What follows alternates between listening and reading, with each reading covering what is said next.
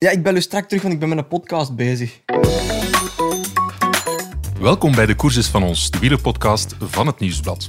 Zoals de echte toppers duiken wij elke winter het veld in. En zoals echte toppers weten wij onze momenten te kiezen. We hebben een lang weekend met de wereldbeker van Overijse en de Koppenberg Cross achter de rug. En komend weekend longt het in Drenthe, Nederland. Geen beter moment dus voor onze tweede aflevering dit veldritseizoen. 700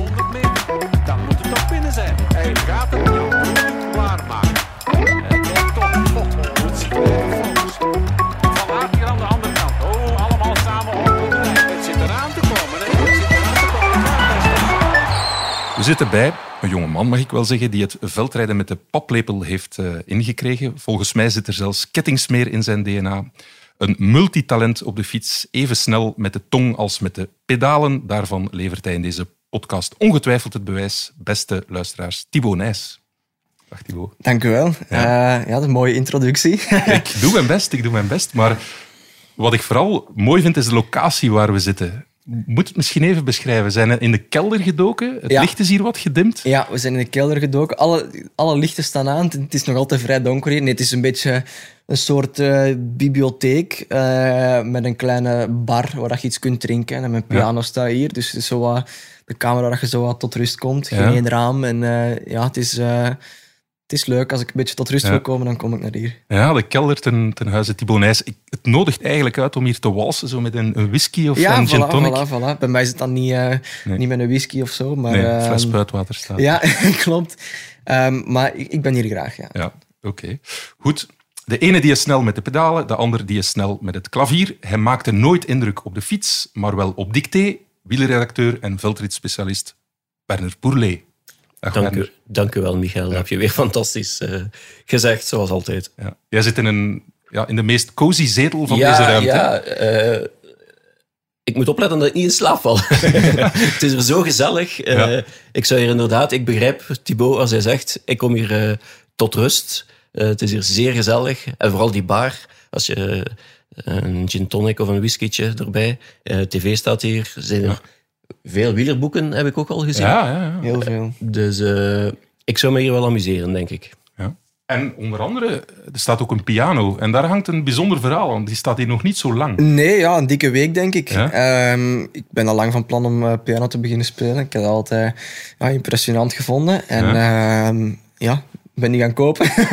en eh, ja, ze is, ze, is, eh, week. ze is een week geleden geleverd, denk ik. En ehm, ja, ik vind dat de ideale manier om mij te ontspannen en toch nog met iets bezig te zijn. Want anders lig ik toch maar in de zetel na een training. En eh, dat was iets wat ik altijd al heb willen kunnen. En ja, nu heb ik er tijd voor. Dus ja, ja ik, ben, ik ben heel gedreven. En hoe gaat dat dan? Hoe leer je dat? Is er YouTube. privé-leraar? YouTube. Ja, echt Ah, ja. waar. Ehm, mijn vriendin speelt ook piano en eh, alles via YouTube geleerd. En ik, ik sta er eigenlijk van te kijken hoe goed dat zij kan, kan spelen.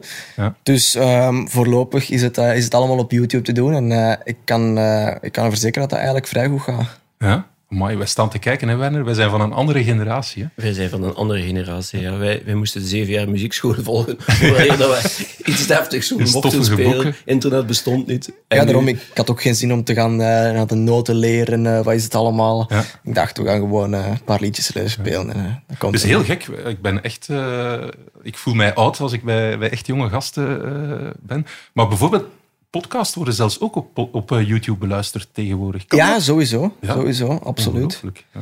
En, eh, en dan hebben we nog beeld ook. Dus dat Ah ja, oei. Dat is nog bij- er wordt hier ook nog- gefilmd. nog bijkomstig. maar dat is, eh, Ehm, maar ja, dat gebeurt wel. Ja. Ja, oké. We gaan veel bijleren, Werner. We gaan veel bijleren. Ja. Goed, het is een klassieke vraag geworden in de- eh, deze podcast. De ene keer is het antwoord kort, de andere keer eh, ja, leidt het tot een interessant verhaal. Eh, kennen jullie elkaar of is er een band? Ik ga beginnen bij Werner. Wel, Thibaut weet dat misschien niet, maar ik ben een beetje zijn geluksbrenger. Ah bon? Ja, ik was erbij in Rosmalen toen hij zijn eerste internationale medaille pakte. was brons eh, op het EK bij de junioren. Eh, ik was erbij toen hij Belgisch kampioen werd in Antwerpen bij de junioren. Wereldkampioen bij de junioren in eh, Dubendorf. En uiteraard Europees kampioen op de weg in Trento. Alleen het Europees kampioenschap in Silvelle heb ik gemist. Maar Ja. uitzondering bevestigen de regels, zeg ik Dat altijd. zijn details. Ja, dat zijn details. Dus eh, ik heb ook goed nieuws voor hem. Ik zal er dit weekend ook zijn in, eh, in Drenthe. Dus ja, Allee, Zet dat de champagne goed. maar koud. hè. Wist je dat? Nee, ik wist niet dat hij ging, eh, ging aanwezig zijn. En zeker ook niet dat, dat Ja. van de vorige edities. Eh, maar ja, ik ben hem de laatste jaar natuurlijk eh, meer en meer Ja. beginnen kennen. En eh, ja, de band tussen de sporters en de journalisten, het zal, eh, het zal altijd iets speciaal blijven. Ja. En eh, met bepaalde journalisten komt dat iets beter overweg Ja. dan met anderen. Ehm, dus ehm, ja, ik, ik ben hier goed omringd vandaag. Ja. Want jij bent enorm vlot in de media, hè? maar ja, op zich is het nog allemaal vrij nieuw. Jouw carrière moet, het, het moet echt nog losbarsten. Eh, ja. Zegt jouw pa soms, wacht met die journalisten, dan sta je nog wat te wachten. Ehm, ja, hij weet natuurlijk ook dat ik niet te veel hooi op mijn vork moet nemen en dat ik eh, gewoon mijn rust goed moet bewaken. Ja. Ehm, maar ja, ik denk dat ik dat zelf wel heel goed onder controle heb en dat ik, eh, dat ik vaak weet wat ik wel en niet moet doen. Ja. Ehm, dus in dat opzicht, ik zit er ook al van jongs af aan in, in natuurlijk en ik ben er al mee opgegroeid en het is niet dat dat van de ene moment aan de andere zo is gekomen. En eh, dat wordt stiltjes aan een beetje meer en een beetje meer. En ik merk ook wel nu, door de zomer dat ik heb gereden en eh, door de mooie resultaten dat ik daar ook heb neergezet, dat dat dan wel in, Ja. eh, in, in een versnelling komt vaak. Ehm, maar het is voorlopig allemaal heel, heel fijn en ehm, het, is niet, het voelt niet als een last of zo. Nee. Helemaal niet. Is dit de eerste podcast die je doet? Het is de eerste podcast waar ik aan deed. nee. Yes, Werner. We zijn de eerste van velen, denk ik. Ja, dat gaan we eeuwig kunnen blijven zeggen. Zeg, het was een beetje ja, bijzonder weekend of bijzondere maandag. Hè. We nemen dit op op dinsdag, eh, moet ik zeggen. Eh, jullie waren op dezelfde plek gisteren. De, wat is het, de berg van Melden, de Koppenberg. Ja, ze noemen het de puist van Melden, De puist. wordt, wordt Ah, ja, gezegd. Eh, de Koppenberg, ja. Ja, en Werner, jij was daar ja, in een speciale hoedanigheid. Hè? Ja, ik ben niet gegaan als journalist, maar als toerist eigenlijk. Eh. Meestal in, het, in, het, in de herfstvakantie neem ik een weekje vrij. Eh, en ik ben gisteren gaan kijken met, eh, met mijn vrouw en een zoon en ook met, met wat vrienden. De grote kenners natuurlijk. Althans, dat denken, dat denken ze. Maar het is altijd leuk om, om dan wat een beetje te babbelen over, over alles en nog wat en naar de cross te gaan. En ook hun visie eens te horen, want dat is leuk wat, wat het publiek denkt. Ja. En eh, het was, ik vond het echt plezant. eh. Ja? Eh, Het was al een tijdje geleden, denk ik, dat er toch wel wat sfeer op een cross was. En die was al vrij vroeg. Zelfs als, want Thibaut reed rond 12 uur al. Er waren, de belofte reden al om 12 uur. En er was toen al wel wat volk. En ik heb ze horen juichen toen, toen Thibaut passeerde. En jammer genoeg is het, waren de weervoorspellingen niet zo, niet zo goed. Dat zou wel wat, wat misschien anders nog wat, wat wel meer volk geweest. En eh, tijdens de mannen is ook de hel losgebarsten. Ja. Dus het beginnen regenen. Het was, het was verschrikkelijk. Eh, dat is natuurlijk jammer. Maar Mooi voor de foto's. mooi voor de foto's, het waren mooie foto's. Eh, maar ik vond het voor het eerst echt zo dat crossgevoel, dat een tijdje weg geweest is, vond ik eh, dat terug was. Ik denk, Thibaut, vond jij dat ook? Ja, ik heb het, eh, het was een van de eerste onderwerpen waar we over spraken direct als jullie binnenkwamen. Ehm, het was frappant om te zien. Was het nu ook omdat we vorig jaar helemaal geen publiek gehad hebben, dat het daardoor zo binnenkwam. Maar ik had echt de indruk dat het voor het eerst sinds lang, sinds twee, drie jaar, echt terug leefde op een of andere manier. Ik kan mis zijn, ehm, maar er was echt sfeer. De mensen waren enthousiast en er was ze stonden daar niet gewoon te kijken. Ze waren echt enthousiast aan het supporteren. En eh, dat gaf een ongelooflijk gevoel. Zelfs bij de beloften al. Ja. Ehm, dus ja, ik, ik was achteraf ook de, de cross van de vrouwen en van de man aan het zien. En het was heel lang geleden dat ik het publiek nog had gehoord ehm, door, eh, door het Ja. scherm heen eigenlijk. En eh, dat was veelbelovend. Dat was heel mooi om te zien. En als je op je fiets zit, je, ja, je neemt dat mee. Dat, Ja, ja straalt dat voelde af. absoluut. Ehm, ik heb natuurlijk ook meegemaakt op het, eh, op het WK in Leuven, wat dan Ja. nog een, eh, een heel andere beleving was. Maar ehm, ja, dat, dat, dat geeft u vleugels, echt letterlijk. Dat is, eh, dat is echt heel mooi om, om te ervaren. Ik denk dat Thibaut dat ook een beetje gemist heeft eh, vorig jaar. Ik denk dat Thibaut ook iemand is die publiek nodig heeft, die daar sterker van wordt.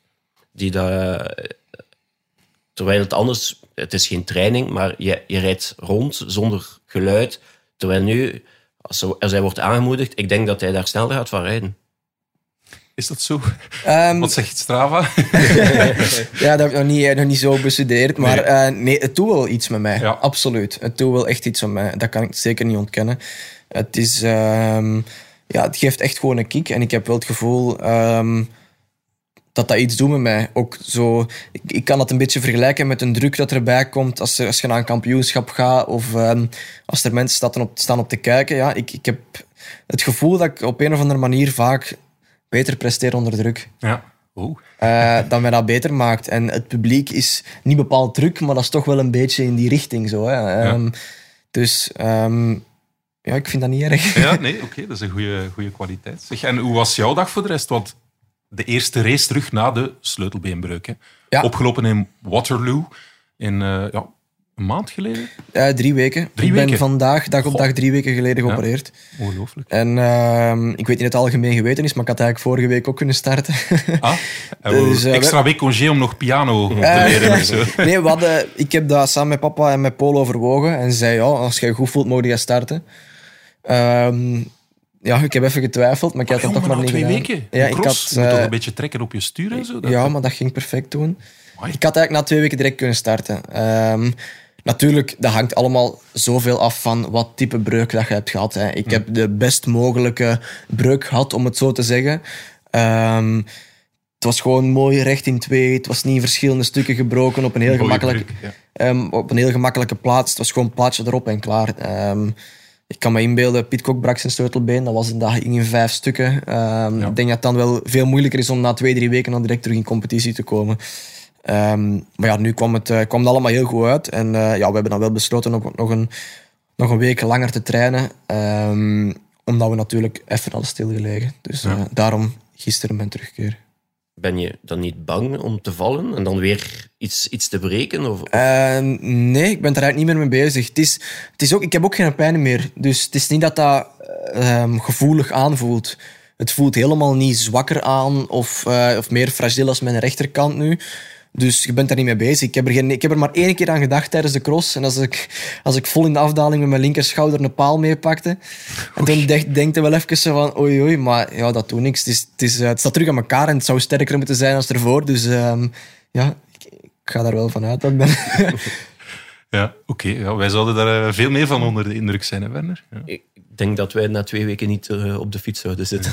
Maar is dat nu uitzonderlijk of, of lag dat gewoon puur aan, aan de breuk? Ook, of, ook voor een stuk het feit dat je zo jong bent of dat je gesteld toch ook wel heel Maar snel dat gaat bij iedereen een beetje. Het kan goed zijn dat ik volgende week terug een sleutelbeen b- breek, mijn andere kant, en dat ik dan veel langer uit ben. Ja. Ehm, ik denk dat je daar gewoon geluk moet in hebben. Ik heb. eh, Veel melk gedronken als je jong eh, nee, ja, ik, ben, ik heb een vrij goede potdichtheid. al Ah ja, maar ik heb het wel vier keer gebroken, dus misschien is het ook niet helemaal relevant. Maar ehm, ja, ik zeg het, ik heb heel veel geluk gehad met type breuk. eh, met de omkadering waar ik in gewerkt heb. Ehm Toon Klaas, die daar natuurlijk zoveel ervaring heeft in dat werk. En eh, ja, goede kennis is. Maar wat zeg jij? Vier keer gebroken? Het is mijn vierde keer nu. Ja. Maar de eerste keer dat ik, eh, dat ik het laat, heb laten opereren. En anders herstelt dat gewoon zo? Ja, ja, hangt ook natuurlijk af van, van het type breuk. Eh, maar het type breuk dat ik nu had, had ik Ja. perfect kunnen laten herstellen zonder eh, operatie of zonder... eh, Vier keer sleutelbeenbreuk. Ja. Amai. Dat was er vooral als kind dan. eh, of- eh, mijn laatste keer was eh, 2016. En mijn voorlaatste keer dan. En de keer daarvoor weet ik, ja, ik weet niet meer. Ik weet, ook, ik weet zelfs niet meer welke kant, hoeveel keer ik al gebroken heb. Dus misschien iets voor Guinness Book of Records. Ja, ik heb De al gedacht- Sleutelbeenbreuk. Ja, dan ga ik er misschien nog een paar, keer, een paar moeten overvallen, denk ik. Maar eh, ja, we hebben er al wel een paar keer mee gelachen. Hoe lang heb je eigenlijk zonder fiets gezeten? Hoe lang heb je niet op de fiets Want je zat vrij vlug terug op de Ik fiets. ben dinsdag geopereerd en ik zat... Ik heb donderdag een half uur op de rol gereden. En vrijdag een uur en zaterdag drie uur. Dus dan ben ik niet lang, eh, niet lang buiten strijd geweest. en eh, ik denk na, na een dikke week voelde ik me eigenlijk al echt, eh, echt terug, terug heel goed in ode. Dan kon je dan met, na een week meteen op de weg alles doen wat je wou? Of? Ja, ik heb dus eh, die vierde dag na mijn operatie eh, zijn we naar koffie gaan drinken in Leuven. En eh, ik kon perfect over kassei rijden. Dat was heel raar. Ik dacht, ik ga, ik ga- Ja. ik ga het toch eens proberen. Zo. En, dan, en eh, ja, dat deed eigenlijk niks. Ehm, het enige wat ik dan voelde, ja, schokken opvangen was geen probleem. Ik kon heel harde klappen op mijn armen en op alles verdragen. Alleen die wond trok nog heel hard. Ja. Hè, als je als je je arm naar boven deed en dat truitje eh, wringt zo wat aan je vel, dat, dat voelde niet echt aangenaam. Maar puur van mijn schouder had ik, had ik geen last meer. Ja. Het is, die spieren zijn nog een beetje verkrampt en alles van die operatie en van die val. Eh, maar ik vond echt waanzinnig hoe snel dat je ja, dingen kunt doen. Toon Klaas zei dat ook tegen mij, van ja, het staat aan elkaar. Je kunt eigenlijk alles terug beginnen doen. En dat voelt heel raar om dan direct na je operatie je arm terug volledig naar boven te kunnen tillen. Ja, ja dat is raar, maar het werkte. Is dat nu een serieus litteken of valt dat best mee? Ja, ik kan het laten zien, Ja, er zit niks op. Ik ga het even beschrijven hoeveel centimeter Werner's gat is. 15, 10? Dat zal toch een, een, di- een dikke 10 centimeter zijn, denk ik. Ja. Ja. Het, maar het is, eh, het is mooi aan het genezen. Kleine en hand, het doet denk ik. zelfs geen pijn meer. Ja. Oké. We hebben al getwijfeld, we hebben, ik zeg het, eh dat ik net nog zeggen. Eh, we hebben al getwijfeld omdat we er zoveel mee gelachen hebben dat ik al vier keer mijn sleutelbeen gebroken heb. En mijn tatoeages dan. Ik zeg ja, ik ga, binnenkort begin ik te arceren op elk sleutelbeen. Hoeveel keer dat ik, al, eh, dat ik het al gehad Ja, heb. Dat ik zo drie Dat- streepjes langs links, twee streepjes langs Ja, rechts. dat is makkelijk voor het Guinness Book of Voilà, Records voor ja. de deurwaarder. Goed, ja, ik heb het eh, in de inleiding gezegd hè, dat je het veldrijden met de paplepel ingegoten kreeg. Ja, we moeten niet ver zoeken waar die pap vandaan komt. Ja, Hij is binnengekomen, denk ik. Ja, we horen hem hè. Ja, hij zal misschien straks nog eens binnen, binnenkomen hier in de kelder. Ehm, ja, nee, eh, Ik kan achter de bar gaan staan. achter de bar staan, Ja, ja, perfecte barman. Ehm, nee, wij zagen jou vroeger al, hè, toen, toen jouw vader eh, actief crosser was, met jouw fiets, fietsje bezig, langs de camper en zo. Ehm, ja, het is van jongs af aan begonnen. En intussen zelf eh, is hij gestopt. Ben je zelf eh, ja, de truien aan het verzamelen, zou ik maar zeggen. Hoe, hoe, hoe, staat dat nu? Ben jij eerder de zoon van, of is het al een beetje aan het keren? Nee, ik voel mezelf nog altijd als een zoon van. Ah, ja, en dat gaat nog wel even duren, denk ik. Oké. Ehm, wat dat papa wel vaak zegt, dat hij merkt dat de mensen meer en meer hem beginnen zien als de vader van. Ah ja. Eh, het is iets waar wij totaal niet mee bezig zijn. Ehm, maar ja, zeker ook de kinderen. eh, die, eh, die dat, dat anders hebben ervaren natuurlijk. Omdat een groot deel van de kinderen die dat opleiding volgen op de Balenberg, eh, een groot deel daarvan heeft natuurlijk de carrière van hem niet zo goed meegemaakt. En die kennen nu wel mij. En die zien dat dan als de papa van Thibaut. Eh, dus dat is, dat is leuk, dat is absoluut eh, fijn. En als je dan ehm, ja, goed begint te presteren, dan, dan wordt het alleen nog maar meer. En ja, ik vind dat wel leuk, maar het is niet dat ik, er, dat ik ermee bezig ben. Ik moet dat even uitleggen, de Balenberg, de opleiding hier. hè. Dus jullie hebben een soort van veldritcentrum, een belevingscentrum ook en een parcours. Leg eens uit hoe dat eh, Ja, het is, eh, het is nu trouwens aan de gang. Eh, Ja. Van maandag tot, tot vrijdag is er zo de, de Sven Nys Academy, zoals het is genoemd. Waar dat, ja, offroad initiaties worden gegeven aan kinderen van, ehm, ja, oh, wat zou het zijn? Geen idee, ja, tot 13, 14 jaar denk ik. Ehm, en eh, ja, het is heel leuk. Zeker als het goed weer is, hangt er een ongelooflijk leuke sfeer. En dan ga ik ook geregeld wel eens langs om, Ah. om goeiedag te zeggen. Om eens met bepaalde groepen even mee te rijden, als ik daar tijd voor heb. Ehm, en ja, we zien dat, dat, dat daar eh, steeds meer en meer kinderen op afkomen. En eh, dat die dat allemaal heel graag doen. Het is ook nodig, denk ik, dat steeds jongere kinderen weer die fiets leren ontdekken. want dat is een, een beetje het probleem aan het worden. We hebben het de vorige podcast ook al over gehad. Hoe moeilijk het is om eh, vooral meisjes op de fiets te krijgen. Vooral meisjes, hè? Dat... Ja. Ja, daar en- zijn we nu ook mee bezig op de Balenberg. Ja, ik zeg we, ik zit daar eigenlijk voor niks tussen. Nee, maar- Eh, daar zijn ze ook mee bezig op de Malenberg om eh, ja, bijvoorbeeld echt speciale dagen te organiseren waar dat dan de meisjes ehm, hun aparte opleidingsdag krijgen om, da- om daar eh, ja, tijd en energie in te steken. En ehm, ja, we, zien ook wel dat dat echt, eh, echt wel begint te werken ook en dat er steeds meer geïnteresseerden daarvoor zijn. En dat is natuurlijk nog een hele lange weg om, eh, om daar atleten van te gaan maken. Eh, maar de interesse is er voorlopig wel, dus eh, dat is veelbelovend. ik neem aan de ouders die dit horen, dat zij kunnen surfen naar een website om eh, de info te zoeken. Ja, ja. Waarschijnlijk uh, Sven Nys Academy, Academy punt intikken, B of zo. zo. Zal het zoiets zijn. Ja, ja. Oké. Maar het klopt. Sven en Thibaut worden altijd samen in één naam vernoemd. Maar het zijn wel twee totaal andere eh, renners, denk ik. Eh, ik denk dat ze een totaal ander karakter hebben. Dat ze, zoals eh, Sven, vooral de, de, alles moet zeer goed geregeld zijn. redelijk nerveus. Terwijl dat bij Thibaut het iets losser mag, denk ik. om het zo te zeggen. Ehm, ja, ik kan me daar wel in vinden. Dat klopt wel, denk ik. Het is natuurlijk heel moeilijk om zelf mijn karakter of dat van hem te gaan Ja. beschrijven. Ik denk dat dat een buitenwereld dat iets gemakkelijker kan en daardoor de verschillen iets makkelijker, makkelijker kan uitlichten. Eh, dat is voor mij iets moeilijker, maar eh, ik merk wel dat, vaak niet, eh, dat we vaak niet eh, hetzelfde zijn. Ik denk dat Sven bijvoorbeeld zijn licentie altijd wel zou bij hebben. Ik was gisteren weer vergeten. Ja, dat was mijn eh, aanzet. Ik had eh, al eens eh, gepolst. Ah, en je had het gehoord? En blijkbaar ben je... We waren nog niet zo ver, hè. Nee, eh, Hoek van Straat. We waren eindelijk op tijd vertrokken. Ja, vijf na zeven heb ik gehoord. Eh, ja, het was, het was echt goed op tijd, zoals, zoals het zou moeten Ja, zijn. Hoe is het En, mogelijk, Thibaut? Hoe is het mogelijk? papa was trots op mij totdat ik eh, ja, de hoek van straat al zei van ja, draai maar terug, want ik ben mijn vergunning weer vergeten. Ja, dus ja. ja.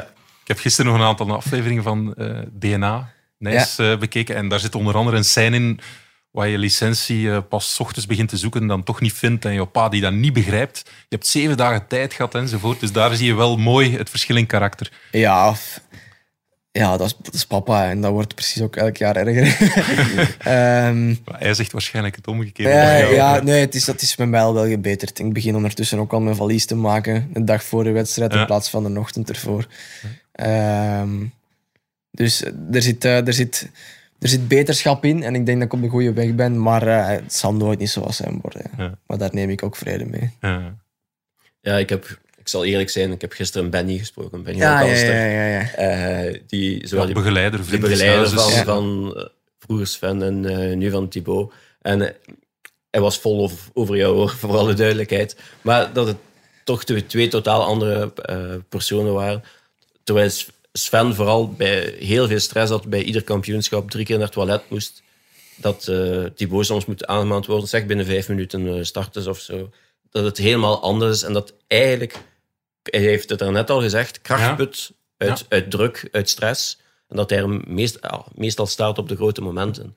En eh, dat maakt hen helemaal anders eigenlijk. Eh, Is dat zo? Want inderdaad, jouw, jouw vader stond er op een bepaald moment onbekend, heeft dat ook zelf ook toegegeven, dat op die kampioenschappen, toen het echt op één dag moest gebeuren, dat dat dikwijls hem een beetje verlamde. Hij was veel beter in regelmatigheidscriterium. Ben jij anders? Zo'n piekmoment? Voor, voorlopig wel. Ja. Eh, natuurlijk, ik moet nog in het beste geval natuurlijk aan mijn lange carrière beginnen. Ja. Eh, wie weet eh, blokkeer ik bij mijn eerste WK bij de profs helemaal Ja, en, eh, ja, ja. en kunnen, we, kunnen we dit gesprek nu vergeten. Maar voorlopig ehm, is het al altijd heel goed meegevallen. En kan ik op zo'n dag ehm, ja, ehm, zeker mijn niveau halen en vaak er nog bovenuit stijgen. Ja. Ja. Het EK op de weg bijvoorbeeld, daar is dat niet slecht gelukt. Hè? Daar eh, verliep het volgens plan, ja, dat klopt. Europees kampioen geworden voor de luisteraars die dat nog niet zouden weten en onder een steen geleefd hebben. Ja, eh, dat, wat hij daar heeft gedaan was, was wel straf, eh, moet ik zeggen. Die boken, wat doe jij nu? Hè? Ja. Ja, want er kan al, altijd... Hij is enorm snel, dus alles is, is samen. Er is een massasprint en hij wint. Dat kan je nog zeggen. Het is Ja, maar het was vooral een de manier waarop. Een toevalstreffer. Maar dat was in Trento echt niet Ja. zo. Er is een, de beste zijn weggereden. Ja. Eh, en bij de beste, dat, daar zitten echt mannen bij die nu bij de profs rijden. Eh had Filippo Bar- Baroncini, was tweede. Die werd, werd, eh, week nadien werd hij wereldkampioen. Die rijdt nu bij Trek Segafredo. Heb die Juan Ayuso, het Spaanse wondertalent, prof bij UAE. Filippo Zanna, die, die was ook mee. Die, die rijdt bij Bardiani. Dat, dat zijn echt in die top 10. Als je die top 10 bekijkt, gaan, gaan daar acht mannen bij zitten die, die volgend jaar al bij de profs rijden. Ja. En eh, het was echt een groepje, een man of vijf, zes, die, die weggereden is. En hij had- was er eerst niet bij. Want ik denk dat hij dacht dat Lennart van Eetveld, die toen voorop reed, dat, die, dat dat binnen was. En toen heeft hij beseft, oei, ik moet daarbij zijn. En hij is er zijn eentje na, de- na de klim naar, naar toegereden. Eventjes rechtgezet. En dat, is, dat, was, dat, was, dat was echt straf. Ja. Dat, eh, en dan ja, die sprint, ook al was hij niet... Ik denk dat hij als eerste wou de bocht nemen. Dat lukte niet, maar rustig gebleven, ander traject gezocht. En anders stond het de rest niet op de foto. Dus eh, wat hij daar heeft laten zien, is wel eh, zeer hoopvol voor de toekomst, ook op de weg. De weg is nog lang, voor alle duidelijkheid. Woordspeling, ja, mooie Woordspeling. Maar eh, het, is, het is zeker... heeft daar zeker ook een toekomst. Ja, en dat EK ook, om daar nog even op terug te komen.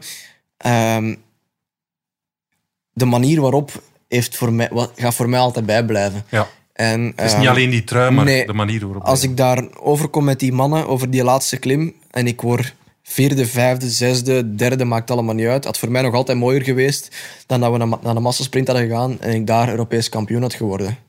Mooi. Ja, Ja, dat zijn misschien straffe straf woorden, maar ik, en dat was ook misschien het gevoel dat me nog sterker heeft gemaakt op het moment dat ik boven kwam op die klim. Ja. dat ik al zoiets had van... Amai, ik zit hier nog met de beste klimmers, belofte klimmers Ja. ter wereld. Ehm, ik als, eh, als klein crosserke met een rappe sprint, ja, dat kan wel niet slecht zijn. En dat gaf een ongelooflijk goed gevoel. En eh, alles wat er dan nog bij kwam na die klim, dat was, dat was al top. Dat ik dan nog won of niet, dat maakte voor mij eigenlijk al niet meer uit.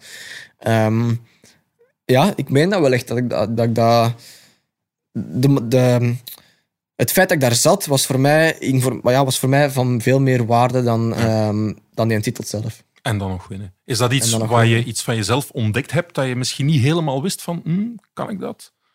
Ehm, Een beetje een ontdekking geweest, toch? Van? Toch een beetje, ja. Ja. Of to- vooral de bevestiging. Ja. Ehm, vaak wel ehm, weten of denken van, ja, maar dat moet mij toch ook lukken. Zo'n klim overgeraken met die mannen, oké, maar die trappen toch niet zoveel meer als mij, dus dan moet het ook gaan. Ehm, en als je dat dan kunt doen, en dan vind ik voor mezelf toch op een redelijke manier dat bevestigt op 2K ook, dan ehm, opent dat deuren en dan, ehm, ja, dan heb ik de indruk dat ik mezelf daar misschien wel ontdekt heb. Ja. Hij heeft daar ook indruk gemaakt, niet alleen op de fiets, maar ook naast de fiets. Eh, want hij zat daar in een soort nieuwe entourage met eh, wegrenners waar hij normaal niet zo goed kent. En die hebben zich helemaal weggecijferd, ook voor hem. Omdat ze dat graag deden. Ik denk dat je op stage ook bent geweest met die mannen. een- Ja, een paar weekje. dagen. Ja, klopt. En eh, ik hoorde toen van de entourage dat, dat, hij, ja, dat, dat hij meteen opgenomen is, dat hij daar direct one of the guys was. Daar ook een beetje het leidersfiguur dat in hem zit, eh, die man mee heeft eh, opgetrokken. En ook van de, van de verzorgers die hem niet zo goed kennen. Eh, en een verzorger heeft mij daarna nog gezegd van... ik had een heel andere visie van Thibaut. Ja, je kent dat van op tv en dingen spelen voor, weet ik, zo'n beetje... Als ik zie wat voor een prachtgast hij tegen mij was. Dankbaar, niet, eh, geen dikke nek. Eh, en daar heeft hij ook vooral indruk gemaakt, denk ik. eh, eh, dus niet alleen op de fiets, maar ook naast de fiets. Ja. En dat, dat, dat is nogmaals ook veelbelovend. Van mocht hij op de weg, en moest er een ploeg rond zich eh, op een bepaalde manier een ploeg rond zich vormen voor bepaalde wedstrijden, dat hij dat zeer goed gaat kunnen managen. eh, eh, dat is niet onbelangrijk, denk ik. Ja, op zich is het wel straf, want daar staan mensen dan, wat Werner zegt, niet recht stil bij dat je op dat moment ook in een nieuwe omgeving komt. Nieuwe ploeg, nieuwe ploegmakkers, nieuwe context. Eh, ook dat zou voor veel renners al iets, of voor veel jongens iets kunnen zijn van ja, het is al goed dat ik erbij ben en Ja. gewoon een beetje ervaring opdoen. Ja. Maar ja, je bent verder gegaan dan gewoon even rondkijken en, en ervaring opdoen. Dus ja, blijkbaar heb je zeer snel aangepast aan die nieuwe omgeving. Ehm, ja, ja, klopt. Het is heel moeilijk om daarop te antwoorden, omdat ik zelf dat zo niet ervaar. nee? Ik ga niet met de gedachte naar daar van oei, dat is iets nieuw. Oei, Ja. ehm, hoe gaat dat zijn? Hoe gaan die jongens mij accepteren? Hoe, hoe, wat gaat dat geven? Oh, koersen in een nieuw... Ik ben daar nooit mee bezig geweest. Dat is een kwaliteit, hè? daar niet mee bezig zijn. Net. Dat is de kwaliteit, ja. Ehm, en ik heb de indruk dat ik dat goed heb aangepakt. Ja. Ehm, als dat nu minder goed had afgelopen, had ik waarschijnlijk eens moeten reflecteren en Ja. denken van oei, wat heb ik hier misgedaan of hoe had ik dat moeten aanpakken. Maar ik heb de indruk dat dat wel heel goed was meegevallen. En ik sta bij zo'n dingen echt niet stil. En misschien daarom ook dat er dan geen druk bij komt kijken. Hm. En dat ik gewoon mijn ding doe en meega in die flow van die mannen. En welke flow dat, dat dan ook is, dat ik me daar heel gemakkelijk aan kan aanpassen. En ehm, als je dan jezelf altijd ehm, kunt blijven herinner- herinneren ehm, dat, ja, dat je aan het doen bent wat dat je het liefste doet van allemaal. En, en als je dan in een goede vorm verkeert, ehm, ja, dan is de sky the limit en dan, dan kun je alles aan eigenlijk. Hè. Dan, en ik bedoel, dan mag er alles op je afkomen, Ja. dat je geen problemen zorgen. om daar even op terug te Vorig jaar heb je eigenlijk het, het eerst wat tegenslag gekend. Heeft dat ook jou gebracht tot wat je nu bent? Heb je, heeft dat u... Leg eens uit tegenslag, Werner. Wel, hij heeft, eh, hij heeft een moeilijk jaar gehad. Hè. Ja. Er was, er was het eerste jaar belofte. Moest onmiddellijk met de profs rijden, want er waren geen beloftewedstrijd. Ook door COVID. Door COVID waren er ook geen publiek, was er ook geen publiek. Zoals ik zei, dat heeft hij denk ik ook wel eh, soms nodig. Eh, hij heeft redelijk wat, bles, wat blessureleed gehad. Hij moest ook altijd van achteraan starten. Ja. Wat, ja, dan, dan zit ze misschien een wereldwedstrijd te rijden, Ja. maar niemand ziet het. En dan heb je even pech en Ja. dan kijken ze, oei, hij is maar eh, 25ste. Oké, we zijn mee. Moeilijk. eh, Ik denk ja. dat dat het, het, het, het moeilijke was. Ja. En op een, dan ook die niet-selectie voor het, eh, voor het WK. Ik denk, ik weet niet, Thibaut, heb je op een bepaald moment gezegd: ik, ik, eh, ik vergeet dat allemaal en ik kijk vooruit? Want dat moet toch, mentaal was het, het was voor het eerst dat je echt, ja, dat het niet ging zoals, het, zoals je wou. Direct. Ja. Ik heb direct die knop omgedraaid. Ehm, maar ik heb dat veel. Zo van die kleine momentjes van... Nu gaan ze iets meemaken. Dat heb ik veel. Ik weet niet hoe dat, komt, maar ik heb dat vrij veel. En ehm, ik heb niet de indruk... Natuurlijk, dat, dat seizoen was al lang zo wat aan het aanslepen. Ja. Dus het is niet dat dat WK uit het niks kwam. Dat ik daar niet bij was en dat ik dan echt een speciale knop heb omgedraaid. Dat was niet zo. Het was al wel van, van in het begin van het seizoen, dat zo in het begin begon wat minder te gaan. En dan je zit zo in een fase waar je eigenlijk niks meer kunt doen, want je zit in het midden van het seizoen. Je gaat daar niet van de ene moment op de andere iets aan kunnen veranderen. Eh, dus dan had ik wel zoiets van, nu, als ik mijn eigen nu deftig voorbereid na het seizoen, richting het wegseizoen en het volgende crossseizoen, dan, ehm, dan gaan ze nog verschieten van mij. En dat eerste deel is al gelukt deze zomer. En eh, het tweede deel moet er nog aankomen. Ik heb het gevoel dat ik, ehm, dat ik nog niet half heb kunnen laten zien in de cross wat ik wil laten zien. Dus dat belooft. hè. Dat belooft. Ja. Ja. Kunnen we daar nog heel even op terugkomen? Dus dat Tuurlijk. inderdaad dat eh, WK voor beloften, waar jij niet geselecteerd wordt, in Oostende was dat. Jij bent op dat moment regerend wereldkampioen bij de junior. En je wordt niet geselecteerd voor het beloften eh, WK. En natuurlijk, ja, voor ons journalisten is het dan een pittig detail. De bondscoach is Sven van Toerenhout, jarenlang de grote compagnon van je vader. Ja, dan heb je een verhaal. hè. Hoe heb jij dat beleefd? Hoe was dat voor jou? Want voor de buitenwereld was dat natuurlijk een grote story, hè? dat jij er niet bij was. Ja, tuurlijk. Ehm, hoe heb ik dat beleefd? Ehm, ik zag het stilletjes aan al een beetje wel aankomen. Ehm, ik snap zijn verhaal 100%. Oké. Heeft dat verhaal aan jou ook uitgelegd? Ja, ja, ja, en dat is ook het verhaal dat in de media is gekomen. Ja. En gewoon, ja, ik, ik was gewoon te wisselvallig. Ik heb heel veel eh, wedstrijden gewoon niet uitgereden omdat ik eh, niet goed genoeg was of omdat ik eh, ja, heel veel pijn had aan mijn rug of een paar tegenslagen door die redenen. Dus het, het, het totaalplaatje klopte niet echt om naar dat WK te gaan. Maar langs de andere kant vond ik van mezelf wel dat als ik gewoon een goede normale dag had en, en er stond niet te veel in de weg, dat ik, ehm, dat ik zeker daar mijn plaatsje verdiend had. Ehm, ik heb een aantal heel goede wedstrijden gereden eh, in dat seizoen ook. Veel meer slechte dan goede natuurlijk, maar er, er waren wel echt goede wedstrijden bij. En ik had het gevoel dat ik daar wel ehm, klaar voor was voor dat WK te rijden. Ja. Ehm, maar ik zeg het, ja, ik ben er ook niet meer mee bezig. Het is, ehm, het is gepasseerd. Ik snap zijn verhaal. Hij gaat mijn verhaal zeker ook, hè, zeker ook snappen. Daar ben ik 100% van overtuigd. En ja, je moet die keuzes maken. Ja, so be it. Ja. En je had niet het gevoel dat hij extra, hè, want dat werd dan gezegd dat hij extra wou tonen van ik ben onafhankelijk van eh, Sven Nijs en, en, en Thibaut, mijn jaarlange vriend, door een andere beslissing te nemen. Dat heeft niet meegespeeld. Ik heb daar nooit niet, Nee. nooit niet mee bezig geweest. Ehm, nu dat ik dat zo zeg, ik ben precies met niet veel dingen bezig. ik heb een derde keer dat. Ja, dat is een kwaliteit. Ehm, ehm, Wij zijn met veel dingen bezig. Hè. Wij, we denken eigenlijk veel te veel na. Hè. We zouden eigenlijk allemaal een beetje meer Thibaut Nijs moeten... eh, Allemaal moeten, een beetje. We Ja, zitten niet bij een 18-jarige gast. En we, we, er zijn hier leven- Levenslessen. levenslessen in ja, die wereld. te veel is ook niet goed. Ehm, nee, ehm, ik heb nooit niet echt daar verder achter gaan zoeken Ja, dan, ehm, dan puur die selectie Ja. wel of niet. Ja. Ehm, ik heb hem gehoord achteraf. Hij heeft gezegd dat en dat en dat. Ik zeg, oké, voor mij is het dit. Eh, hij snapte dat volledig, ik snap hem volledig. En voor mij was het dan in mijn hoofd afgerond. Oké. Ehm, dat is natuurlijk wel iets wat je voor de rest van je carrière wel altijd... Ja, nee, dat is nu misschien een beetje overdreven. Aan herinnerd zult worden, is, is overdreven, maar je gaat dat wel meenemen. Ja. Maar het is niet dat daar nu... eh, dat ik Sven nu anders bekijk of zo. Nee. Helemaal niet. Ja. Oké. Ik ben het niet verder gaan zoeken dan Nee. puur wel of niet. die En ik neem aan dat dat nu ook afgerond is. Ja, je bent Ja. Europees kampioen op de weg. En wie weet word je het wel eh, in het veld, maar daar we het misschien straks over hebben. Ja, het zou mooi zijn. Het zou mooi zijn. Het, is, het gaat sowieso niet gemakkelijk worden. Zeg, en die, eh, het plan is nog altijd om ja, enige tijd in het veld te rijden, maar die, ja, die lokroep van de weg, dat gaat toch op een bepaald moment... Want kijk, je, je wint eigenlijk je, je belangrijkste of meest spraakmakende overwinning tot dusver ook al, waar iedereen over spreekt. Bent ook eh, bij ons verkozen tot jo- jonge Flandrien, is op basis van die Europese titel op de weg. Gaat die lokroep op een bepaald moment toch niet te groot worden? Al was het maar van de buitenwereld, de journalisten. Werner, die iedere keer die vraag stelt, bijvoorbeeld. Om dan meer op de weg te gaan Ja, voilà. Ehm, Wat is jouw plan? mijn plan.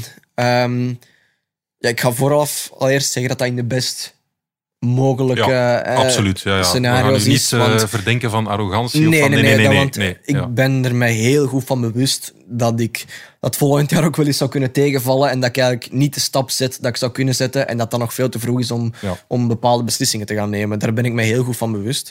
Maar in het best mogelijke scenario ehm, blijf ik volgend wegseizoen nog perfect gewoon bij de ploeg. Ehm, Bij de veldritploeg. bij, de, Ja. bij, ja, bij Belwaze Trek, om, eh, om daar gewoon mijn ding te doen. Een beetje hetzelfde programma te rijden als nu. Ehm, wel minder um, wedstrijdenniveau van ehm, Ronde van Vlaams-Brabant, Ronde van Namen. Maar iets meer Ronde van België, TRW, Dwars door ehm, dat type wedstrijden. Ik denk dat dat zeker hoog genoeg is om, ehm, om van mij gewoon een beter renner te maken.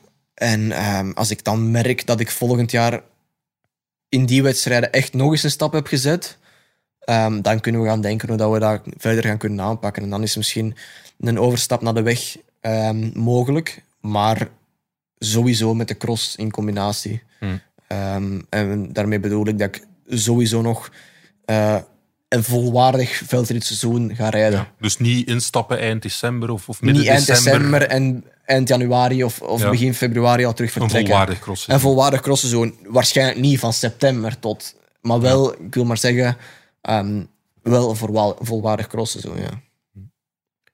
Ja, en overweeg je om ook wat beloftenkoersen te rijden met de nationale ploeg? Ja, ik denk, eh, ja, Tour de l'Avenir. eh, Ja. Misschien ook terug het Europees kampioenschap. Wie weet het wereldkampioenschap terug. Ehm, zo van die dingen. Ik denk dat ik mijn eigen daar wel in moet gaan testen en moet gaan meten.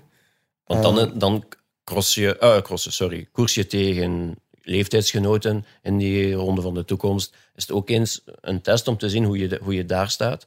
En dan kan je ook wel ja, mooie koersen rijden. allemaal een keer wat, wat bergritten ook om te zien. Ja, Ja, hoe, hoe- tuurlijk. Hoe, ga ik daarover? Hoe Tour de l'Avenir, dat is tien dagen. Ik denk dat je zelf dan wel tegenkomt als crosser. Ja. Ehm, dat kan goed meevallen ook. En ik denk dat dat mij gewoon als renner veel beter gaat maken. En ehm, ik moet daar wel op mikken om, om, om zo'n dingen... ehm, ja, mij daar in de kijker voor te gaan rijden om daarvoor geselecteerd te worden. Ehm, daar ga ik wel mijn best voor doen. En je mag in die trui rijden. Hè? En ik mag in die trui rijden. Iets wat ik waarschijnlijk heel weinig ga kunnen Ja. volgende zomer. Maar ik kan hem op training dragen. En eh, hij is van mij, dus ik zie er al niemand anders in rijden. Dat is ook dat is, dat al goed genoeg. Ja. Maar eh, Thibaut heeft ook het, eh, het voordeel. Laten we kat en kat noemen. Trek Segafredo is een beetje de, het grote broertje van, van, de, van de crossploeg. Dus die, zoals eh, Lucinda Brandt doet, zoals ook eh, Shirin van Anrooy. In de, in de zomer mogen die meerijden, enkele mooie koersen meerijden met, eh, met het World Tour team. Om dan daarna puur in de winter voor eh Baloise Trek Lines te rijden. Dus dat moet volgend jaar nog niet. Maar dat is iets dat zich kan ja, natuurlijk ontstaan. eh, Dat hij een paar wedstrijden daarmee kan meerijden. En uiteraard, de verwachtingen zijn dat meteen altijd groot. Maar op zich kan hij gewoon meerijden en kijken, ja, hoe ver kom ik? Zonder druk, zonder eh, al een keer mee op stage gaan met, met, eh, met de mannen. Eh, met, Ik denk op zo'n stage bijvoorbeeld dat je zelfs ook al heel veel kan ontdekken. Ja, en, absoluut. Maar zo'n combinatie. te zijn. Nee, daarom. Maar zo'n combinaties zijn mogelijk. Hè. Het voordeel dat ik heb is dat ik heel veel tijd heb nog. Ehm, ik kan volgend jaar perfect ehm, een, een zomer op een hoog niveau rijden met de ploeg. En ehm, als er dan interesses zijn van verschillende ploegen, dan, dan kunnen we daarop inspelen. En ja, zoals dat gezegd is Trek natuurlijk een eh, voor de hand liggende optie. Een mooie optie die dat de combinatie veld en weg en misschien ook mountainbike in de toekomst perfect kan aanbieden. Ehm, maar het is nog iets te vroeg om daar natuurlijk al dingen te gaan over te zeggen en eh, beslissingen in te gaan maken. Ehm, maar het, het, ga- het zou die richting wel kunnen opgaan, natuurlijk. Ja, Ja. absoluut. Want we mogen niet vergeten, hij is nog in, eh, in twee weken, denk ik. Dat je Binnen negen- tien dagen ja, ben- ja, ik 19. wordt hij 19. Hij was op het EK in Trento was hij de jongste van het pakken. Ja, dat is onwaarschijnlijk. Dus eh, dat mogen we ook, eh, ook niet vergeten. Die, dat hij, ja, hij is nog een paar jaar belofte. Dus Ja. eh, mag, mag ook niet te snel. Ja, wat goed is, komt snel, zeggen ze. Maar we moeten ook zien dat hij geen stappen overslaat. Ja, daarom. ik- er waren natuurlijk nu ook al interesses van een aantal, ehm, een aantal ploegen. En dan is de vraag, ja, Van World Tour ploegen nemen. ehm, een aantal mooie Ja. ploegen, ja. Ehm, een aantal, ik kan wel diplomatisch antwoorden. Een aantal mooie ploegen, zegt hij. ehm, dan is de vraag, ja, waar gaat het beste van worden? Ja. Eh, ik zou sowieso natuurlijk niet in de World Tour geduwd worden nu al. Eh, daar ben ik zeker nog niet klaar voor. Maar ehm, je moet zien dat je geen stappen gaat overslagen. Ik ga nu volgend seizoen eh, terug een beetje hetzelfde programma rijden, wel iets hoger niveau. En als je dan ziet dat ik dan daar terug een stap in zet, dan kun je die richting uitgaan. Maar als je me nu al in een eh, te hoog een wedstrijd van een te hoog niveau zou zetten, dat zou alleen maar druk geven. En ehm, misschien moet ik dan concluderen van oef, dit is echt veel. te- En dan, ja, en dan, dan zijn aan het sukkelen. Dus we gaan alles op zijn tijd doen en eh, ja. die tijd is er met open. Ik vraag me af, want je hebt twee aspecten daarbij van het geduld opbrengen. Er is natuurlijk de buitenwereld, de journalisten. Werner Boulet bijvoorbeeld en, en zijn collega's. Eh, Die gaan op een bepaald moment natuurlijk wel voor druk zorgen, maar je hebt ook de druk die je zelf eh, oplegt. En wat ik ook al geleerd heb uit reeks en uit interviews met jou, dat is dat je zelf ook enorm veel druk oplegt, dat je wel perfectionist bent. Dat Ja. als het niet gaat, dat je daar wel... Dat je, je zegt, je kan goed loslaten, maar als het, als het moeilijker gaat, als het niet gaat, als de conditie niet goed zit, je traint goed en toch lukt het niet, dat is wel moeilijker om los te laten. Ja, dat is heel moeilijk. Ja. Ik, ehm, Ga je dat kunnen accepteren als, als misschien... Hè, je zet altijd maar stappen, als het misschien eventjes plafonneert voor jezelf dan. Want dat kan, hè? Ja, dat, kan. niet- en in, in, in dat opzicht heb drama, ik... ehm, iedereen zegt natuurlijk... ik ik heb vorig jaar een, een moeilijk moment gehad. Maar voor mij was dat niet echt zo zwaar. Ja. Er was een oorzaak, dat werd opgelost. En ik, ben, ik heb deze zomer de pannen van het dak gereden. Ja. Maar er gaat misschien ook een moment komen waar ik er alles voor doe, alles laat, perfect leef zoals het zou moeten, en dat dan ook minder gaat. En dan kan het natuurlijk wel veel moeilijker worden. Eh, ik ben ervan overtuigd dat als je je focus 100% op de juiste manier hebt en je werkt er, je werkt er voor zoals het zou moeten, dan gaat dat altijd beloond worden. Maar er gaan ook moeilijke momenten komen. Ehm, maar ja, ik weet niet goed. Ja, het is moeilijk. Ja. ja, goed, ik zou zeggen, niet panikeren. Hè. En eh, ook niet laten gek maken hè, door eh, Werner Boulet en zijn eh Ik zal, dat, ik, trawanten. zal, ik zal dat niet doen. Maar het klopt wel dat de, de, de druk dat ik mezelf opleg zal altijd groter zijn dan de druk van de buitenwereld. Ah ja, kijk, voilà.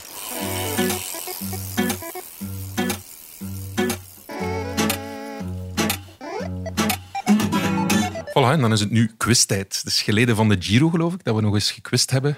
En eh, we halen dan een oude bekende van onder het stof, de A-B-quiz. De meest simpele quiz die er bestaat. Je kan A of B antwoorden. En eh Werner die heeft eh, pen en papier, oldschool. Je hebt jouw gsm waar je A en B kan intikken, zodanig dat, dat er niet tactisch wordt gespeeld en op elkaar afgestemd. Hè. Voilà. Het wordt serieus. Ja, het wordt, nu wordt het serieus. Werner kan heel slecht tegen zijn verlies. hè. Ja, maar ik ook. Dus. Ja, oei, oei, dat wordt hier... ja. Goed, vraag 1. Thibaut Nijs die heeft 85.800 volgers op Instagram. Daarnet nog gecontroleerd.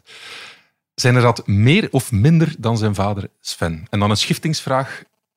Hoeveel heeft eh, Sven er? Dat is dan een schiftingsvraag om eventueel onderscheid te maken. Dus maar... Eerste vraag is, zijn dat meer of minder volgers dan zijn vader? 85.800. En eh, wat is A en B? B is... eh, Ja, laten we dan inderdaad zeggen, A is meer, B minder. Dus A is dat Thibaut er meer heeft. nu wordt het ingewikkeld. maar ja. Zeg gewoon A, meer is of... dat, A is dat ik er meer heb, B is dat papa er meer heeft. Oké, voilà. Dat is Ja. afgesproken. Goed, ja. Je hebt Ik denk toch nog altijd dat papa B. er meer heeft. ja, B. Dus alle twee zeggen ze, voor alle duidelijkheid, dat papa er meer heeft, dat eh, Sven er Hij meer heeft heeft. er 150 of zo. Hmm, 138.000. Ah, ja, oké. Ik zou zeggen 138.000. Ja, ja, ja, ja. Nee, die schiftingsvraag laten we dan vallen. Eh, ik denk dat hij... Misschien had hij er, had hij er ooit 150.000. Ik denk dat er op Twitter wel veel meer zijn. Ah, ja. Maar, Is er eh, toch geen verloren of zo? Ah, dat kan, dat zou kunnen. Overlopers die eh, voor de zoon zijn gaan supporteren en dan... eh, Zijn je- welkom. Ja. ben je daar heel veel mee bezig met social media zelf? Want ik zie toch wel veel passeren. hè? Ja, ja, ja, maar het is niet dat ik er, eh, dat ik er dagelijks iets op zet. eh, Ja. Maar ik probeer wel gewoon mijn content wel oké te houden. Eh, En bij jou is het nog allemaal van jouzelf. Hè? ja, ja, ja, maar bij papa ook. En, ehm, Ah, maar we hebben een iets ander soort Instagram-gebruik. dat is ja, zeer diplomatisch weer ja. Wat bedoel je dan? Ik bedoel, hij zet er soms dingen op dat ik denk, allee joh, kom aan. Maar blijkbaar werkt het wel voor, zijn- voor zijn Ja. volgers. 138.000 mensen vinden dat wel cool, blijkbaar. Ja, ja, klopt. Ehm, Er komt wel een tijd dat hij Ik denk het overgaan, ook. denk ik. Ja, denk het ook. Werner, doe jij zelf ook jouw social media? Ik doe hem zelf, ja. Ah, ja, oké. ja, ja. Voor mijn twee volgers, eh, dat lukt wel. Ja. Oké, vraag 2. Dus we hebben Execo 1-1. Schiftingsvraag hebben we laten vallen. hè. Sven Nijs, die verjaart op dezelfde dag als een andere relatief succesvolle renner. De welke? Is dat A. Eddy Merckx of B. Roland Liboton? Dus Sven, die verjaart op dezelfde dag als een andere renner. Eddy Merckx of Liboton? A, zegt Thibaut. Ik denk B. B. Het is een Ah. pure gok. Jij weet het? het is A. Ja, het is ja, klopt. Ja. Ja, en ehm, er was nog iemand. Ah, er was nog iemand. Ja, mijn bon. schoonvader ook blijkbaar. maar ik nu denk weet ik, dat er nog iemand is. Nog nog iemand Maar uit de ik wielerwereld? Ja, Oh, ja, kijk, luisteraars, even googelen. Dat is eh, interessant. ja, Ja. Bon, in elk geval Eddy Merckx. ja, dat Jouw pa ik. had ook als bijnaam de kannibaal. Hè? Dus eh, in die zin. En weet je de datum eigenlijk? Het is... eh, eh, als, als mama is 18... eh, 17 juni... Nee? Nee. Ja? Juni, Nee, ja! Ja, ja, ja. Voilà. Ja, als mama is juli, hij is juni. Ja, ja, voilà. Oké, Ja. ik wist Oké. Speciale dag iedere keer? Nee. Nee. ik ben meestal niet in, in het land dan. ja, dan zegt hij, ah, Eddie Merckx is ja. Oké. Ja. De dag dat ze gaan eh, zeggen, Eddy Merckx verjaart op dezelfde dag dan Sven Nijs en niet omgekeerd, hè? dat eh, gaat nog even duren. Dat zal nog even duren. Oké. Goed, vraag drie. Dus eh, we zitten nu met twee voor Thibaut, één voor Werner. Werner moet terugkomen, hè? kom aan. Hè? Ja. De, vraag 3. Wout van Aert heeft na zijn middelbaar hogere studies aangevat, maar is daarna anderhalf jaar mee gestopt toen hij veldritprof is geworden. Wat studeerde hij? Was dat A, de lerarenopleiding lichamelijke opvoeding of B, toegepaste informatica? Dus ALO of B, toegepaste informatica? Ik zie hier al het antwoord van... Ja, ik dacht dat hij Lasser had gestudeerd, maar dat is dus Nee, dat is niet bij de zo. mogelijkheden. C is er niet. Kijk, toon eens, Werner. Eh, ik ga toch maar voor B, maar het is een pure gok. Ja, B. Dus jij zegt toegepaste informatica. Eh Thibaut zegt dat ook. Thibaut, jij bent alweer zeker van jouw stuk? Of? Ik denk het wel, ja. Ja, klopt. Ja, inderdaad, toegepaste informatica. Ja. Ja, anderhalf jaar. Eh, maar ja, dan toch mee gestopt. Het wel geprobeerd. En ja, ik heb oude interviews gelezen en dan was hij echt aan het verdedigen van ja, het is toch belangrijk dat je een diploma hebt. Maar uiteindelijk, als je dan zo'n talent blijkt te hebben... Ja, ik heb ook lang getwijfeld om te gaan studeren. Ehm, Jij bent afgestudeerd aan het middelbaar, hè? ja, ja, ja, dat wel. Ehm, ik heb, maar ik heb lang getwijfeld om nog te gaan verder studeren. Uiteindelijk dat niet gedaan. Ja. Omdat er niet... Ik ken mezelf. En er was niet echt zoiets waar ik van dacht... Oké, hier kan ik het voor opbrengen om er echt vol voor te Ja. gaan. En ik ken mezelf, als ik dat niet heb en als ik daar niet vol voor, voor gemotiveerd ben, dan ga ik dat verwaarlozen. En dan ga ik ook de koers niet 100% kunnen doen. Dan heb je geen een van de twee. Ehm, en ik ben voorlopig nog heel blij dat ik dat gedaan heb. Natuurlijk, spijt komt altijd te laat.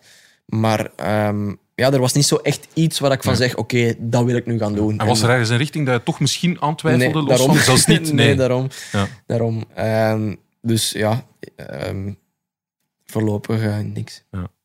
En tijdens het middelbaar, hoe ging het toen, eh, de combinatie? Want het is toch niet evident, hè? met Ja, best oké eh, wel. Ehm, ik ging gewoon echt niet graag naar school. En ik deed, natuurlijk niks voor. Ja, ik, had, ik heb er niet alles uitgehaald. Maar ehm, het was natuurlijk wel een plezante tijd. Maar ik ben eh, heel, heel blij dat ik daar vanaf ben. Je bent niet naar topsportschool of zo geweest, hè? Nee, nee, nee. nee, nee. Ik kreeg wel zo wat... ehm, zal ik het zeggen? Ik had zo wat een top, topsportstatuut. Ja. Waar ik dan zo af en toe eens een uur vroeger naar huis mocht. eh, als we dan toch wiskunde sport was of zo, hadden. je- nee, nee, nee. ja. Wiskunde heb ik niet. eh, dat, was, dat was dan LO dat ik dan kon skippen. En, Ah, ja. ja. Dus ja. Heb je Ja. onder zijn trainingen tij- tijdens de les wiskunde? Nee, nee, nee. Zo'n dingen niet. Maar bijvoorbeeld, ja, LO. LO en godsdienst. Eh, ja, ja, klopt. Nee, echt waar. Ja, klopt. Maar bij mij was het dan zedeleer, want ik volgde geen Ja, godsdienst. oké. Eh, maar het waren die twee vakken dat ik af en toe eens kon laten vallen om aan te gaan trainen. Oké. Dus 3, 2. Eh, ja, de geluidsman is hier, eh, is hier mijn persoonlijke notaris. Vraag 4. Welke sport beoefent, ik moet wel zeggen, het is op amateurniveau, maar welke sport beoefent de broer van Eli Iserbiet? Is dat A. Crossfit of B. Hoogspringen? Crossfit of hoogspringen, dus ja, B. Atletiek. Crossfit of atletiek. Ik denk toch eh, crossfit. Ik Crossfit, ja, alle twee, klopt. Ja. Als hij een, een beetje de lengte heeft van Eli, zal het toch Ja. moeilijk zijn om aan hoogspringen te doen. Maar. Eli weegt 56 kilo. Zijn broer, ik heb hem op foto gezien, die weegt er wel iets meer. Dat is een stevige peet. Ja. Ja, het zou kunnen. Ik, ik, ik ken hem natuurlijk wel, maar niet persoonlijk of zo. Dus ik, ik wist het niet zeker. Maar ik vond... Ik ken eh, zijn broer. Ja. eh, ja, niet persoonlijk, maar Ah ja, ik, hem eh, ik heb hem al vaak gezien op de cross. En eh, ik vond eh crossfits iets voor de hand liggender dan, eh dan hoogspringen. Ja, inderdaad. Dus eh heeft het een interview eh, met Dave Peters voor onze krant ooit over verteld. En eh, blijkbaar heeft zijn broer, Olivier heet hij, eh, ook al gevraagd of hij is Eli boven zijn ja, benchpress met Eli. Ja. Maar eh, bon, Eli ziet dat toch niet zitten, vindt het iets te gevaarlijk. Maar hij zou het eigenlijk wel kunnen, blijkbaar. geen probleem. Hij heeft ook ooit bij het voetballen, vroeger gevoetbald, stevige peet blijkbaar, die Olivier, en eh, ooit eh, tegenstander in een duel een schouderduw gegeven en zijn sleutelbeen was gebroken. Amai, Eli. Eli, Eli heeft ook heel lang gevoetbald. Hij was een, eh, ah ja, was een eh, voetballertje voor hij beginnen fietsen is. ah, oké. Hij liep, het lijntje deed hij altijd, heeft hij mij eens verteld. Maar hij heeft dan toch voor, voor de fiets gekozen. Want zijn trainer eh, zei ook, het feit dat hij zo eh, gevoetbald heeft, dat dat eigenlijk niet, niet, niet slecht was. Dat, om die, die korte inspanningen altijd te doen. Mhm. Langs het lijntje, weer vertrekken terug. Dat, eh, dat explosieve, dat dat, een, dat, dat, eh, dat dat goed was om daarna eh, Ja. te beginnen fietsen. Door het feit dat hij Ja, dat had gedaan, startte hij niet vanaf nul. Ja, nochtans, Remco Evenepoel heeft ook gevoetbald en explosiviteit is nu niet bepaald zijn allersterkste punt. Maar bon, Hij zal het lijntje. hij zal het lijntje Hij gedaan hij, hij zal zo verdedigende middenvelder of zo Ja, geweest zijn. ja. Ik weet het niet. Ja, een weet beetje type Walter Basseggio zal hij geweest zijn. Ja, denk dat ik. zou kunnen. Ja, Ja, ja. ja. Heb jij nog iets van andere sporten nooit Ik heb beoefend heel lang getennist. Ah ja, ja. ja. Ja, en op best wel En jij deed het lijntje ook in de Eh, ja, veel lijnen. Ehm, nee, en dat deed ik heel graag. Ah, Dat is nog ook altijd een sport. Als ik eh, in mijn rust ben, dat is het eerste wat ik ga doen. ah, ja. Dat, is, eh, dat is gaan tennissen. Dat doe ik nog altijd super graag. Maar dat werd op hele jonge leeftijd al heel serieus. En ehm, ja, dat vond ik er wat over gaan. Ja. En, eh, achteraf heel blij dat ik dan de fiets gekozen heb. Maar ik, ik, eh, ik, wel op een redelijk niveau. Ja, Oké, voilà. Kijk. En over Eli gesproken, ja, ik denk dat het een eh, uitspraak was van Mette Penningen in een interview. Het ging over de toekomst van de cross. En hij zei ook van, ja, dat was een beetje zijn, zijn, zijn beeld van wat de toekomst van de cross zou kunnen zijn. Terug de oude tijden met, met, ja, met strijd, met duels, ook een beetje met fetes, het peper en de zout van... Hè, want Eli is ook wel een uitgesproken type. Jij bent ook iemand die recht voor de raap is. Dat duel, dat zou misschien oude hoogdagen kunnen laten herleven. Ik maar de vraag het. is... Ja, Ik hoop het, absoluut. Ehm, het zou alleen maar mooi zijn voor ons en voor de cross. Ik denk dat iedereen daar wel een beetje op zit te wachten. ja. Eh, niet bepaald op mij tegen Nee, of, maar gewoon tegen Een duel. Een ja. duel. En dat zou potentieel één kunnen zijn. Alweer het kan, als ja. Eh, ehm, er zijn zoveel mogelijkheden natuurlijk, maar ehm, ja, dat, zou- dat, zou, eh, dat zou wel vuur geven, denk ik. Ja. Jouw pa veel verteld over de duels vroeger met, ja, ik weet niet wie zijn allergrootste concurrent ooit was. God, er zijn er veel geweest Ja. natuurlijk. Hè. Hij heeft er En een paar meegemaakt. hij heeft er een paar, een paar gehad. Degene die hem het meest op de kast gejaagd heeft. eh. Eh, was blijkbaar Zenek Stibar. De moeilijkste was eh Zenek Ja? Stibar, denk ik. Ja. Dat was meer eh, naar het eind van zijn Ja, en hij heeft toe. natuurlijk ook niet zo'n heel lange periode met hem gecrossed. Nee. Ehm, maar ik heb, eh, ik heb me zo verteld dat dat toch de, de moeilijkste was. Omdat hij vaak volgens mij ook in kwaliteiten het hardst tegen hem leunde. Ja, Was heel technisch, eh, was ook explosief. Kwam vaak ook op, eh, op een beetje hetzelfde crossen ehm, het beste tot zijn recht. Hm. Dus ehm, blijkbaar was dat, blijkbaar was dat Stibar. ik kijk even naar mijn assistent. 4, 3. Ja. Voilà, ja, hij doet het met zijn vingers. 4-3. Laatste vraag. Werner, laatste kans om gelijk te maken. Een draw zit er nog in, maar... eh, Ja, ik ga voor zal het niet zijn. 5-5 nu. Hè. Ja. Wat is de hobby van Quinten Hermans? Is dat A, sneakers verzamelen of B, wijn verzamelen? Dus het is een verzamelaar. Zijn dat sneakers A of is dat B, wijn? Quinten Hermans. Aan, aan Thibaut is eh, snel, hoor. Thibaut heel snel Ja. antwoord, denk ik. Je zou eens moeten meedoen aan blokken. Dat het eh, sowieso Heb ik al gedaan. verloren ah, je hebt het al gedaan. Oké. Eh, dat het sowieso verloren is, maar het ziet er mij eerder een sneakerverzamelaar uit dan een eh, wijnverzamelaar, zou Ja. ik zeggen. Oké. Dus Thibaut die heeft B gezegd, de wijnverzamelaar Werner Sneakers. Dus spannend. Het zal dus de wijn zijn. Het is de wijn. Ja. Ja, dus Thibaut wint glansrijk. Inderdaad, wijn. Wist je het of was het een gok? Eh, ik wist dat hij wel af en toe eens eh, gla- graag eh, een goed glas wijn dronk. Ja. Eh, ik wist niet dat hij wijnenverzamelaar was, maar ik zag hem eerder dat doen dan, eh, dan sneaker Ja, verzamelen. ja.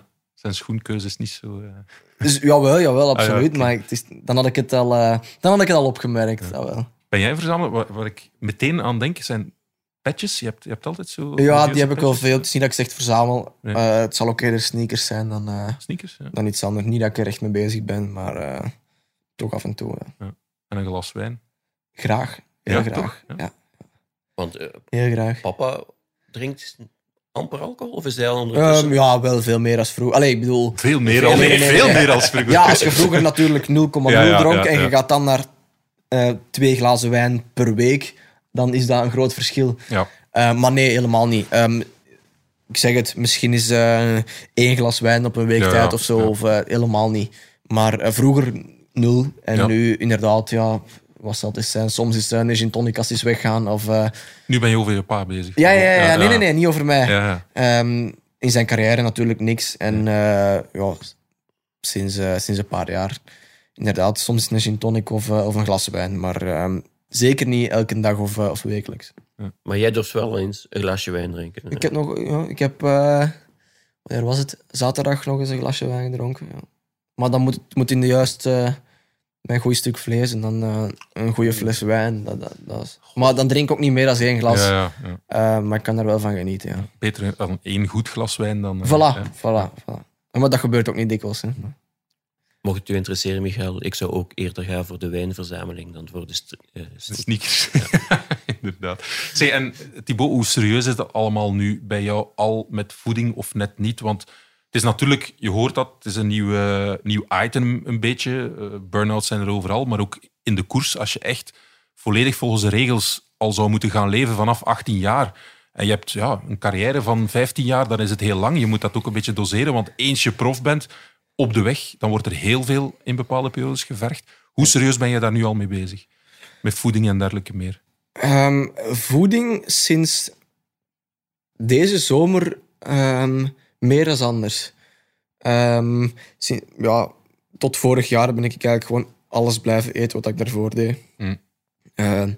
Met eh, snoep en chips erbij. Natuurlijk niet in, eh, in grote mate, maar dat gebeurde wel dikwijls. En ehm, ik, had, ik had heel, heel veel, maar van alles. Ik, ik had ook wel gezond. Ja, Eh, het was niet dat ik elke, maar elke dag ehm frieten aan het eten was. Eh, ook niet elke week, maar ik lette wel nergens op. En Ja. dat is nu wel, nu wel veranderd. Eh, Ik zorg dat ik s ochtends een confituur, mijn, ehm, mijn boterham of mijn sandwichje met choco zijn vervangen door een bruin brood met kippenwit bijvoorbeeld. Oh, mooi. En ik merk wel, het is voor mij geen opgave, want ik, ik ga sowieso niks eten wat ik niet graag eet. Helemaal niet. En het is ook helemaal niet dat ik mijn eten aan het afwegen ben. Maar ik merk wel dat dat hetgene zou zijn wat ik het nog wel eens het moeilijkste mee zou kunnen krijgen in de loop der jaren. Wat bedoel je dan? Ehm, ja, eten. Ik ben echt, dat is echt mijn guilty pleasure. Ja. Eh, een goede chocomousse of, of, of, of Haribo's. Of, oh, dat heb... Het is niet dat ik dat, dat ik dat echt moet laten, maar ik doe het dan toch maar niet. Wout van Aert zegt ook dat dat het moeilijkste aspect is van, van zijn profbestaan als het gaat over, over druk Ja, ik en snap over alles wat je moet volgen. Ik snap dat, wel. Ja. Het is natuurlijk ook... ehm, ik weet niet dat ik echt aanleg heb om, om bij te komen of om, Voorlopig om dergelijke. Voorlopig niet, inderdaad. Maar ik, ik zoek dat ook niet graag uit. Ehm, dus ja, het is voorlopig, voorlopig heb ik de, de perfecte mix gevonden tussen wat ik graag eet en dat het toch nog gezond is. En dat het, ehm, ja, dat het evenwichtig is en dat eh, dat efficiënt is ook. Dat het Ja. alles wat, dat, wat erin komt, dat dat ook nut heeft en dat dat energie opbrengt en dat dat eh, zich nergens opstapelt. Dus voorlopig heb ik de ideale mix gevonden. Tussen lekker en ehm, goed.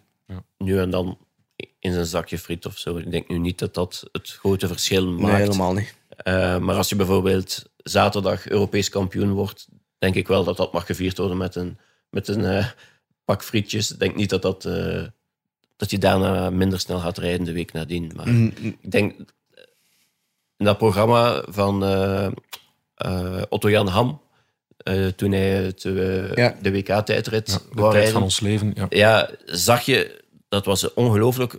Hij wil alles tot in de perfectie doen, waardoor dat hij eigenlijk ja, minder snel reed plots dan daarvoor, omdat hij zo geperfectioneerd was dat, dat hij zijn voeding, maar hij had dan uiteindelijk te weinig en al het plezier was weg. En ik, dus dat is nogmaals het bewijs. Ja, je moet- er moet een, een plan gevolgd worden, denk ik. Maar nu en dan in sommigen, dat, dat, eh, dat mag zeker. Dat doet Dan merk ik dat hoe beter dat ik ga rijden, hoe meer dat ik, ehm, of hoe strikter dat ik ga leven. Op een of andere manier. automatisch eigenlijk. Ik weet De niet hoe dat, komt, maar ja. Je geeft daar net dat voorbeeld aan van die frieten. Als ik zaterdag zou Europees kampioen worden, zou perfect mogelijk zijn, zou helemaal geen kwaad kunnen. De Pool, als ik, als ik een belangrijke wedstrijd gewonnen heb, dan belt mijn trainer aan, eet nu maar eens een goed pak friet. Maar dat zijn juist de momenten dat ik dan he- heel... Ja, ik weet Sandwich niet... met kippenwit. Ja, ja eh, of met een recup shake en dan nog een beetje pasta. Dat zijn de momenten dat ik juist het hardste met mijn sport bezig ben. Ja, dan zou ik ook gewoon om tien uur gaan slapen, denk ik. En, eh en s morgens opstaan en, en, en terug een paar uur gaan trainen. Ik weet niet hoe dat komt, maar ik heb de indruk dat hoe, hoe beter ik presteer, hoe meer verslaafder ik zo gezegd en hoe strikter ik ga leven met mijn sport. Ja, makes Omdat dat zo Ja. motiverend is. Ja, dat gevoel heb ik wel. Oké, we hebben nu het al over het EK gehad. Hè? Wat hij gaat eten na het EK als hij wint. Nee, laten we het daar eens over hebben, dat EK in Drenthe. Ehm, ja, het is een eindje rijden van hier, hè? dat weten we al. Wat moeten we ervan verwachten? Thibaut, hoe is jouw conditie daar naartoe? Want die sleutelbeenbreuk heeft natuurlijk eh, ja, niet, de- is, heeft niet voor de ideale voorbereiding gezorgd. Maar anderzijds, in de Koppenberg Cross was hij niet slecht. Ja. Dubbeltje op zijn kant. Zo, ja. Ja, het, valt af te wachten. Ja. Het kan zijn dat het volgende week terug minder is. Ehm, persoonlijk denk ik dat het beter gaat zijn ehm, dan de Koppenberg zelf. Maar er komen ook nog een aantal namen bij. We hebben Niels van der Ja. Putten, Ryan Kamp, Emiel Verstringen. Ehm, we gaan echt volgens mij wel met vijf, zes jongens naar Ginder die Europees kampioen kunnen worden. En daar steken er misschien een paar uit. Hè. Een Ronaar, die dat toch wel dominant is, maar ook een mindere dag kan kennen. Ehm, dus het gaat moeilijk worden. Ik denk wel dat, ehm, dat ik zeker in orde ga zijn. Dat ik beter ga zijn als de Koppenberg, maar nog niet top. Ja, zoals hij zegt, hè, eh, Pim Bronnehaar is de, is de wereldkampioen, de, de man die won in, eh, op de Koppenberg. Eh, maar Ryan Kamp komt erbij. Dat is toch iemand die ook vorig jaar en nu dit jaar tussen de profs zich mee, eh, mee vooraan eh, nestelt. Niels van de Putten, ook zeer sterk bezig bij de profs, komt erbij.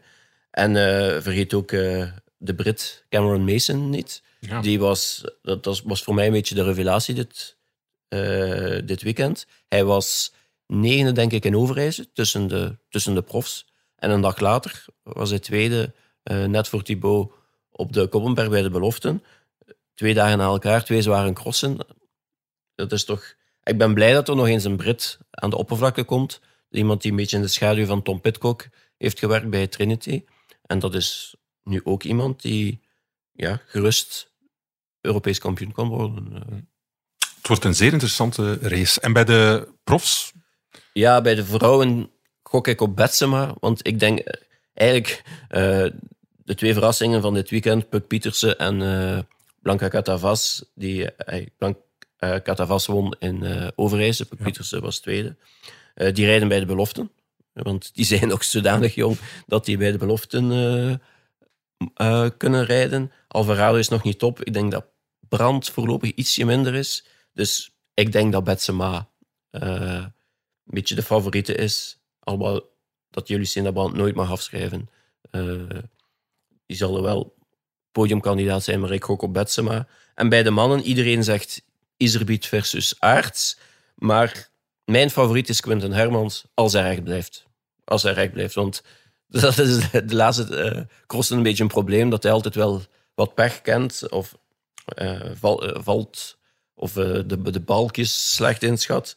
Maar ik denk dat als hij eh, goed is dat- En een beetje van pech gespaard is dat dat de, man, de te kloppen man is. Wat denk jij, Ook. Thibaut? Ja, moeilijk. Ehm, ik heb vaak de indruk dat er eh, dat ofwel Quinten ofwel ehm, Michael van Toornhout vaak misschien wel de beter in koers zijn, maar dan Mhm. trekt het toch naar zich toe. Het is een Eh, killer, hè? Het is echt een killer. Ja, ja. Hij, weet, hij weet perfect hoe hij een wedstrijd moet aanpakken. Hij doet echt... Ja, hij doet alles op de juiste moment en op de juiste manier. Ehm, hij weet ook wel hoe dat hem zo'n kampioenschap moet aanpakken, denk ik. Ehm, ik vond Michael van Toornhout heel indrukwekkend in eh Overijse. Had een totale off-day op de Koppenberg, maar dat kan zomaar eens eh, terug in orde zijn volgende week. Quinte gaat in orde zijn. Ik denk dat Toon zeker ook. Eh weet hoe dat hem zo'n zo'n dingen moet aanpakken. Ehm, ik denk tussen die drie. Toonaerts. Ja, vier. Toonaerts, Quinten Hermans, Elise Erbiet en Michael van Toornhout. ja. Maar ik zou niet kunnen zeggen wie dat er gaat winnen. Nee, ik onthoud vooral kijken, want het wordt spannend. Voilà. Goed, aan alle crossen komt een eind en ook aan deze podcast. Ik wil graag afscheid nemen met heugelijk nieuws, want we zijn genomineerd voor de Belgian Podcast Awards, jawel. Samen met onze zusterpodcast, de Shotcast.